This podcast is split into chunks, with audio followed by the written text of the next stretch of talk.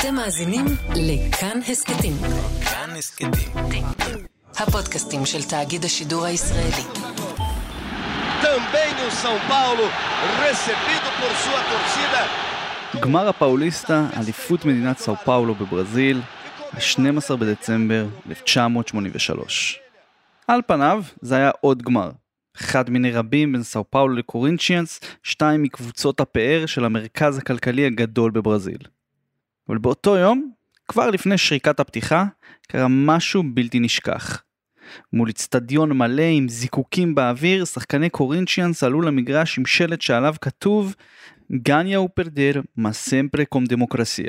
ובעברית, לנצח או להפסיד, אבל תמיד עם דמוקרטיה.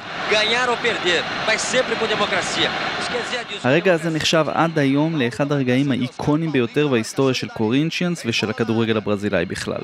להעביר מסר כזה במעמד כזה, בשנים בהן שלטה בברזיל דיקטטורה צבאית, משטרת מחשבות של ממש, היה אקט פורץ דרך בצורה יוצאת דופן. הפנים של אותה קורינצ'יאנס, והרנסאנס הדמוקרטי ששרר בה, היו מגולמים בדמותו של שחקן אחד שבלט מבין הקולקטיב. סוקרטס ברזיליירו סמפאיו דה סוזה ויירה דה אוליברה, או בקיצור, סוקרטס. Se atrapalha, tem Sócrates, pra ele, pé direito, bateu, היי, אני אורי לוי ואתם על שער. מדי פעם אנחנו עוצרים ומתמקדים בדמות מרכזית בהיסטוריה הרחוקה או קרובה של המשחק, במיני סדרה גיבורים בשער.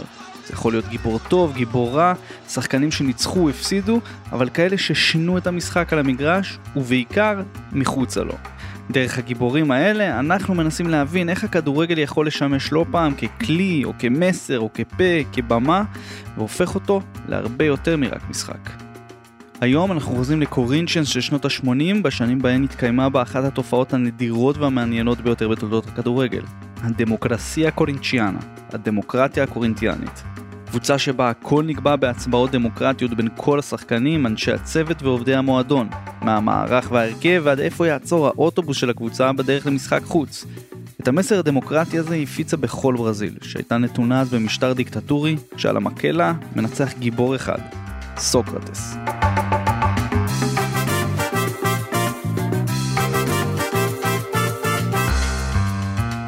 סוקרטס נולד ב-19 בפברואר 1954 בעיירה בלם שבמדינת פרה בצפון ברזיל.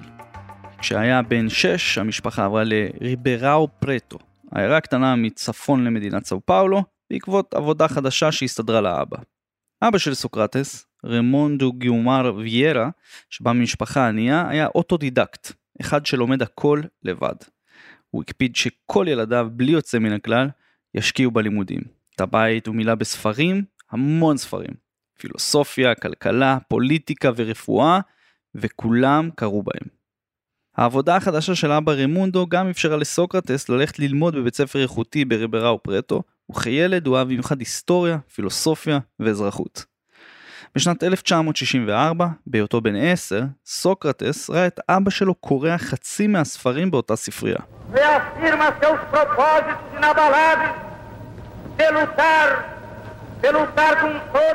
באותה שנה פרצה בברזיל הפיכה צבאית שהפילה מכיסו את הנשיא המכהן ז'ואאו גולארט, והחונטה הצבאית שעלתה במקומו, בתמיכת ארצות הברית, תפסה את השלטון.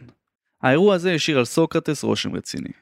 לראות את אבא שלו קורא את הספרים שהוא כל כך אהב, ושסוקרטס עצמו התעצב על פיהם, השאיר בו חותם גדול.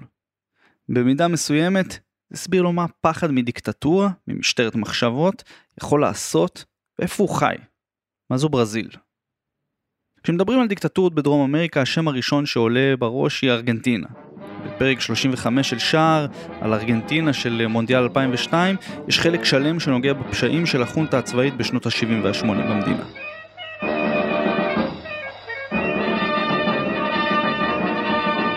למרות שהדיקטטורה של הגנרל אומברטו ברנקו לא נחשבה לאכזרית ונוקשה כמו זו של וידלה בארגנטינה או פינושה בצ'ילה, אבל היא הביאה למשבר כלכלי חריף וקשה שדרדר את ברזיל אל סף פשיטת רגל. המשטר של ברנקו גרם לנזקים אדירים ליערות הגשם, ובעיקר פירק את המרקם התרבותי, החברתי והתפקודי הרגיש של ברזיל. במדינה שבה יחסי הגזע בין לבנים, שחורים ומולטים עומדים למבחן כלכלי ופוליטי בכל רגע, עם המתחים שיצרה הדיקטטורה אז, החברה הברזילאית מתמודדת עד היום. סוקרטס חלם להיות רופא מגיל צעיר. את לימודי הרפואה הוא התחיל כבר בתיכון, ובמקביל נתן ביטוי לכישרון גדול אחר שלו, כדורגל. הקבוצה הראשונה של סוקרטס הייתה בוטפוגו. לא זו הגדולה של ריו דה ז'נרו, אלא בוטפוגו אספה, הצנועה יותר, מסאו פאולו, שם יכל להמשיך ללמוד, במקביל לשחק כדורגל. Marcou Sócrates. No cruzamento de Terto, um Botafogo, zero São כחלוץ מרכזי בגובה מטר 92, סוקרטס היה שחקן בולט בבוטפוגו. המנהיגות וסגנון המשחק האינטליגנטי שהפגין, יחד עם העובדה שסיים תואר ראשון בפיזיקה וברפואה, הצמידו לו את הכינוי שהפך לסימן ההיכר שלו במהלך הקריירה, דוטור, דוקטור סוקרטס. העובדה שהוא היה אדם משכיל בסביבה ענייה לא הפריע לסוקרטס להתחבר לאנשים סביבו, נהפוך הוא. הוא היה משאיר עיתונים וספרים חשובים בחדר ההלבשה ליד הארונות של החברים שלו לקבוצה, כדי שיתעניינו, יקראו ויתפתחו כאנשים. E aí chegamos lá, sentamos, ficamos assim, não dava nem- pra assistir direito o show, porque tinha muita gente no Ibirapuera. במשחק יש המון מקום לביטוי עצמי, וכדורגל זה ספורט שמי שטוב בו צריך להיות מאוד אינטליגנטי. סוקרטס אהב לשתות, הרבה, והוא גם היה מעשן כבד, אבל תמיד נשאר בכושר שיא. הוא לא היה ספורטאי מקצועי בשום צורה, אלא יותר אינטלקטואל שהוא גם כוכב כדורגל. כשסיים את הלימודים בגיל 24 והיה צריך להכריע בין ההתמחות ותחילת הפרקטיקה כרופא לבין קריירת משחק מקצוענית, דווקא אבא שלו, שכל כך הקפיד איתו כל השנים על חשיבות הלימודים כשהיה ילד, הוא זה שדחף אותו להתחיל את הקריירה במקצוענים. כי את הפרקטיקה הוא יוכל להשלים אחרי שיפרוש. ואז, ב-1978 הגיעה הצעה מקורינצ'נס הגדולה. סוקרטס חתם, ודברים התחילו לזוז. Preparado o Romeu. Bateu, subiu, Sócrates. סוקרטס היה השחקן הכי גבוה כמעט בכל מגרש שבו הוא שיחק, אבל סגנון המשחק שלו היה מה שגרם לאנשים לזכור אותו. בקורינצ'יאנס, הקבוצה הכי פופולרית בעיר הכי גדולה בברזיל, סוקרטס עבר שינוי. הוא הוסב מעמדת החלוץ לקשר אמצעי, זה שמצטרף מאחור ולעיתים הופך לקשר התקפי, אבל תמיד ה playmaker. מי שמתכנן את המשחק, בונה את התנועה ומכתיב את הקצב. תוסיפו לזה את היתרון הכי גדול שלו, היכולת להבקיע שערים עם בעיטה מדויקת וחדה בשתי הרגליים, ותקבלו את החבילה המושלמת. מספר 8 של פעם, שגם כובש שערים. בנוסף, הייתה לו יכולת נדירה של שליטה בכדור עם העקב, מסירות, שערים, הכל. כשצופים בו משחק, לפעמים זה נדמה כאילו באמת היו לו עיניים בגב. בקורינצ'יאנס הוא הפך למוח של הכדורגל הברזילאי. הוא לא היה הכי מהיר, לא הייתה לו את השליטה הכי טובה בכדור, הוא לא היה מלך השערים.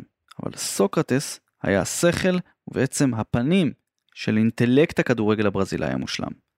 בסאו פאולו סוקרטס החל להתחבר ולהיפגש עם זמרים, פוליטיקאים, מוזיקאים, סופרים ומשוררים, אנשי הרוח הגדולים של ברזיל באותם ימים, שפתחו אותו לרעיונות חדשים.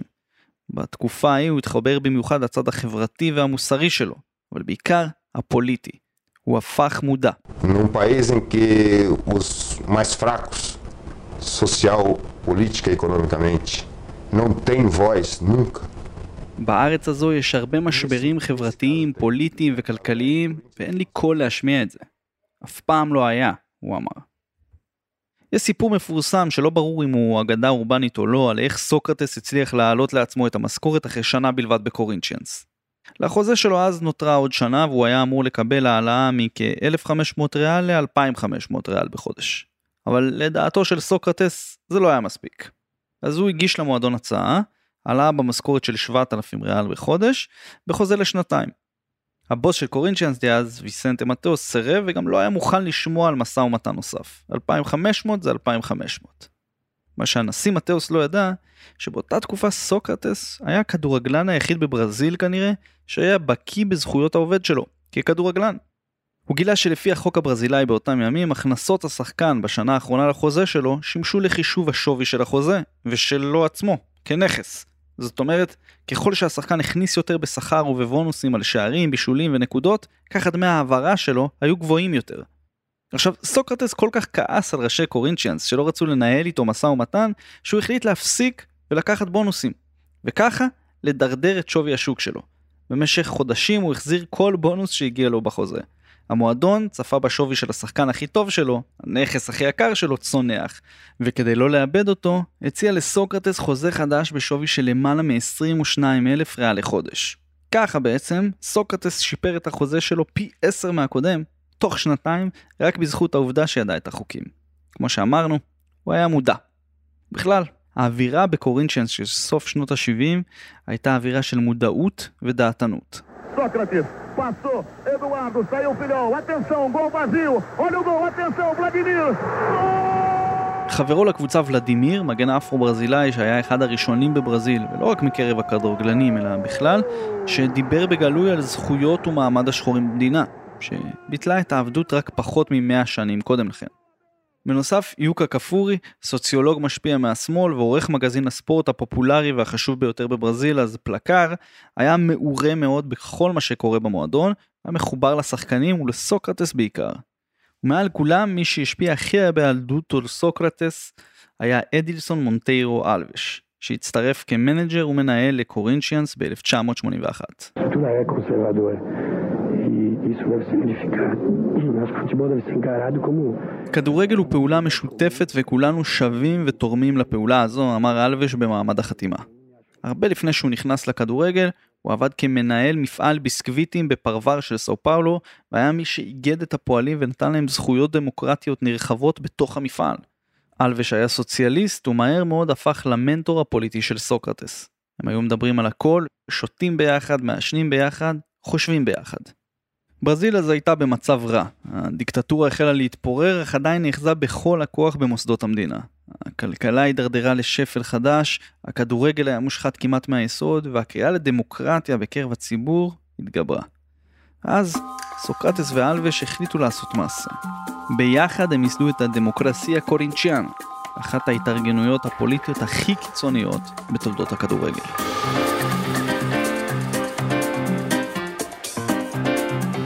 דוקטור סוקרטס יחד עם חבריו לקבוצה, ולדימיר, זמריה ווולטר קאזה גרנג'ה היו הפנים של הדמוקרטיה הקורינצ'יאנית. הצבעות היו נערכות על כל דבר ולנשיא המועדון הייתה את אותה השפעה על ענייני המועדון כמו לאפסנאי. בצד המקצועי השחקנים הצביעו על כל עניין שנגע לקבוצה, אורך האימונים, מדיניות הרכש, מערך, הרכב וגם איפה לעצור את האוטובוס בדרך למשחק חוץ כדי שהשחקנים יוכלו להשתין בצד הדרך. התופעה הזאת תפסה תאוצה ופופולרית ברחבי ברזיל וחיזקה את השיח בעד שינוי שיטת המשטר וקיום בחירות דמוקרטיות במדינה. Oh!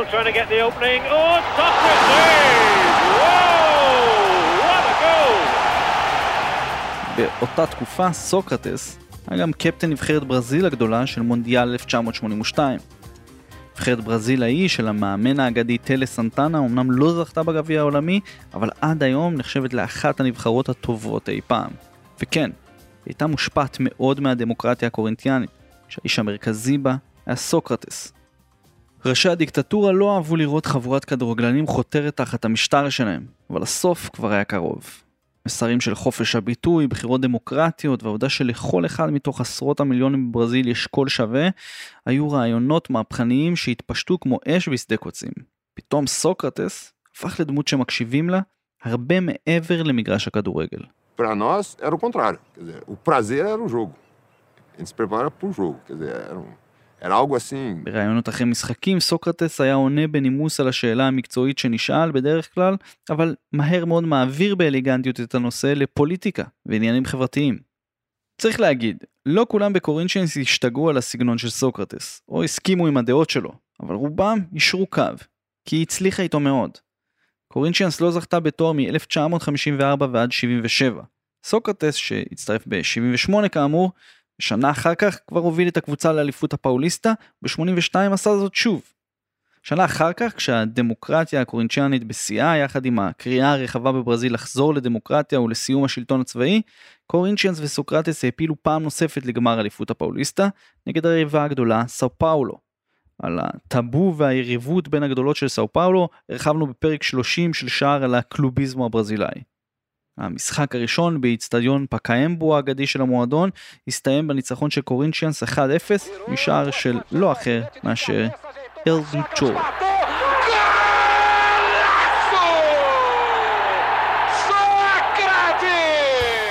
זה נתן לקורינצ'נס יתרון לקראת הגומלין שם, במשחק שאיתו פתחנו את הפרק הזה, התופעה של סוקרטס, קורינצ'יאנס ודמוקרטיית הכדורגל שלהם הגיעה לשיא. האווירה במורומבי, האיצטדיון של סאו פאולו, הייתה מחשמלת. כמעט 90 אלף צופים מילאו את היציעים.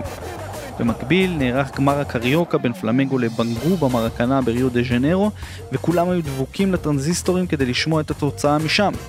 אבל את ההצגה גנבו וולטר קזגרנדה, ולדימיר, סוקרטס וקורינשיאנס שלפני המשחק חשפו שלט ענק עם כיתוב ברור ganhar ou perder, mas sempre com democracia ובעברית לנצח או להפסיד אבל תמיד עם דמוקרטיה. עד היום הרגע הזה הוא אחד החשובים והסמליים בהיסטוריה של הכדורגל הברזילאי. Paulinho com a 7, Casagrande com a 9, Eduardo com a 11. Impressionante a recepção da torcida corintiana. המשחק עצמו התפתח בצורה מעניינת. סאו פאולו עלו ליתרון במחצית הראשונה, אבל השופט פסל את השער בטענה לנבדל. אחרי ביטול השער, אוהדי סאו פאולו החלו לזרוק אבוקות בוערות לכיוון קר הדשא. הר געש ברזילאי אמיתי שלשנות ה-80 המוקדמות החל לבעבע. אבל קורינצ'אנס לא נלחצה. היא סחטה כרטיס אדום שלא היה באמת לנלסיניו מסאו פאולו בסביבות הדקה ה-70, אבל הרגע החשוב הגיע בדקה ה-91. במתפרצת איטית וקצת גמלונית בירו בירו קשר קורינצ'יאנס השאיר עקב גאוני לסוקרטס שכרגיל הצטרף בריצה קצת גמלונית גם כן מאחור וזה מול השוער ולדיר פרס נעץ 1-0 לקורינצ'יאנס.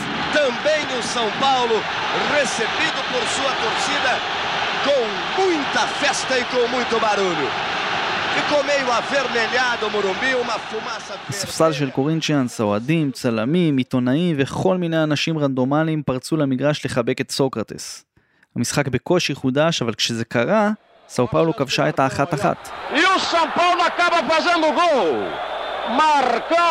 tocou a bola. אבל זה היה מאוחר מדי.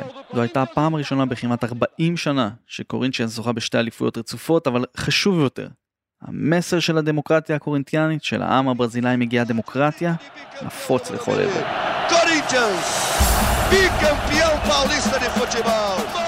As últimas esperanças do São Paulo. De bicampeão. אחרי האליפות ההיא, המעורבות הפוליטית של סוקרטס והדבקות שלו בדמוקרטיה רק הלכו והתגברו. קורינצ'ס שדרגה את המיתוג שלה כקבוצה של הדמוקרטיה, ואפילו הוסיפה לחולצות את הכיתוב דירי תעשייה. תנו זכויות כבר, שמה של התנועה להחזרת הבחירות הדמוקרטיות לברזיל. סוקרטס השתתף בהפגנות ענק ודיבר מול מיליון איש בסאו פאולו. בימים ההם, הם שלפני עידן האינטרנט, הדרך להכיר שחקנים מדרום אמריקה עברה בעיקר דרך המונדיאלים. במונדיאל ב-82 סוקרטס כאמור כיכב וזה הביא לו כמה הצעות מספרד ואיטליה. ב-84 סוקרטס רצה מאוד לעבור לאירופה אבל אמר שאם יחזירו את הבחירות הדמוקרטיות לברזיל הוא יוותר על הכסף הגדול באירופה ויישאר במדינה. אבל זה לא קרה. סוקרטס עשה את הדרך לאיטליה וחתם בפיורנטינה. בפירנצה סוקרטס היה סביר, אבל התקשה להתחבר לסגנון האיטלקי הקשוח שדרש מהשחקן מחויבות מקצועית שהייתה מוגזמת לדעתו. דווקא בהיעדרו, בינואר 85 בברזיל, קרה השינוי הגדול. אחרי שנה של הפגנות ענק בהנהגת תנועת דירי תעשייה, הדיקטטורה הצבאית בברזיל התפרקה, המדינה הלכה לבחירות דמוקרטיות, והנשיא טנקרדו נבס נבחר. E.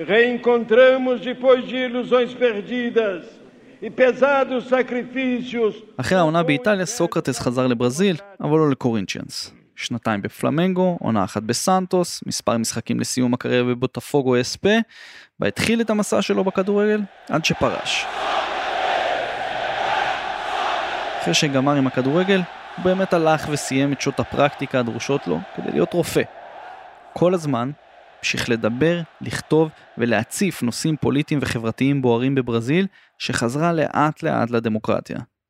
בסך הכל, בשקלול ספירות שונות, סוקרטס כבש 236 שערים במעל 500 משחקים בקריירת המועדונים שלו. ב-60 הופעות בנבחרת ברזיל הוא כבש 22 שערים. הוא זכה באליפויות פאוליסטה, נבחר לשחקן השנה בדרום אמריקה וגם נכלל ברשימת 100 הכדורגלנים הטובים בהיסטוריה של פיפ"א. היה לו חלק לא מבוטל בחינוך של ראי, אחיו הקטן, שלימים הפך לאחד מגדולי השחקנים של סאו פאולו ופריס סן ג'רמן הצרפתית. מעל הכל, סוקרטס, בסגנון האלגנטי, השונה והאינטליגנטי שלו, הצליח להשפיע על אומה שלמה ולקדם את מה שחשב לנכון. להוציא את החברה הברזילאית מחיים תחת דיקטטורה צבאית לחיים בדמוקרטיה. וזה כנראה ההישג הכי גדול שלו. הקריירה הכדורגלנית של סוקרטס לא מילאה יותר מדי את ארון הגביעים שלו. הוא מעולם לא זכה בברזילראו, הוא לא כיכב באירופה, הוא לא זכה עם ברזיל במונדיאל, וגם את גביע הליברטדורס, ליגת האלופות של דרום אמריקה, הוא לא הניף. ובכלל, עדותו לא היה אתלט גדול, או ספורטאי מקצוען בצורה יוצאת דופן כמו שאנחנו רגילים לחשוב על כאלו. אבל האינטליגנציה שלו, כשחקן ובעיקר כבן אדם, הייתה ברורה לכל מי שראה אותו משחק בלייב.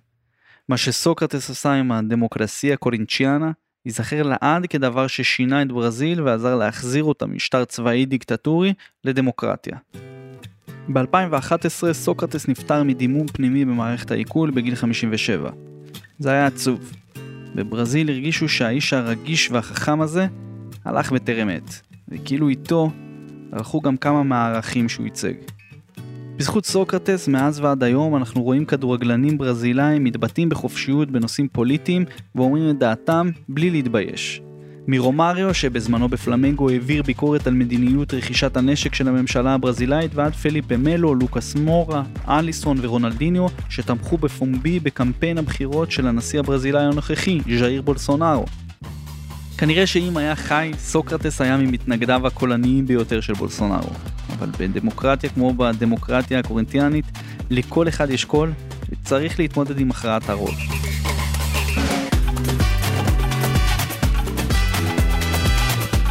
זה היה השער שלכם לדמוקרטיה הקורנטיאנית של סוקרטס. כדורגלן, אינטלקטואל, הוגה דעות, אלכוהוליסט, מעשן, אבל גם קפטן, מנהיג חברתי, דמוקרט וגיבור. גיבור בשער. זה היה הפרק השלישי במיני סדרה שלנו גיבורים בשער, בה כבר הופיעו דידיה דרוגבה ועידתו שינקטה. תדרגו אותנו ב iTunes, שתפו מהספוטיפיי לסטורי ותצטרפו לקבוצת הפייסבוק שלנו. שער הסכת הכדורגל של כאן ובבגול ולכאן הסכתים, ותספרו לנו מה חשבתם על הפרק. תודה לערן פיש ולרומטיק, לרחל רפאלי, אני אורי לוי, Keep Football Real.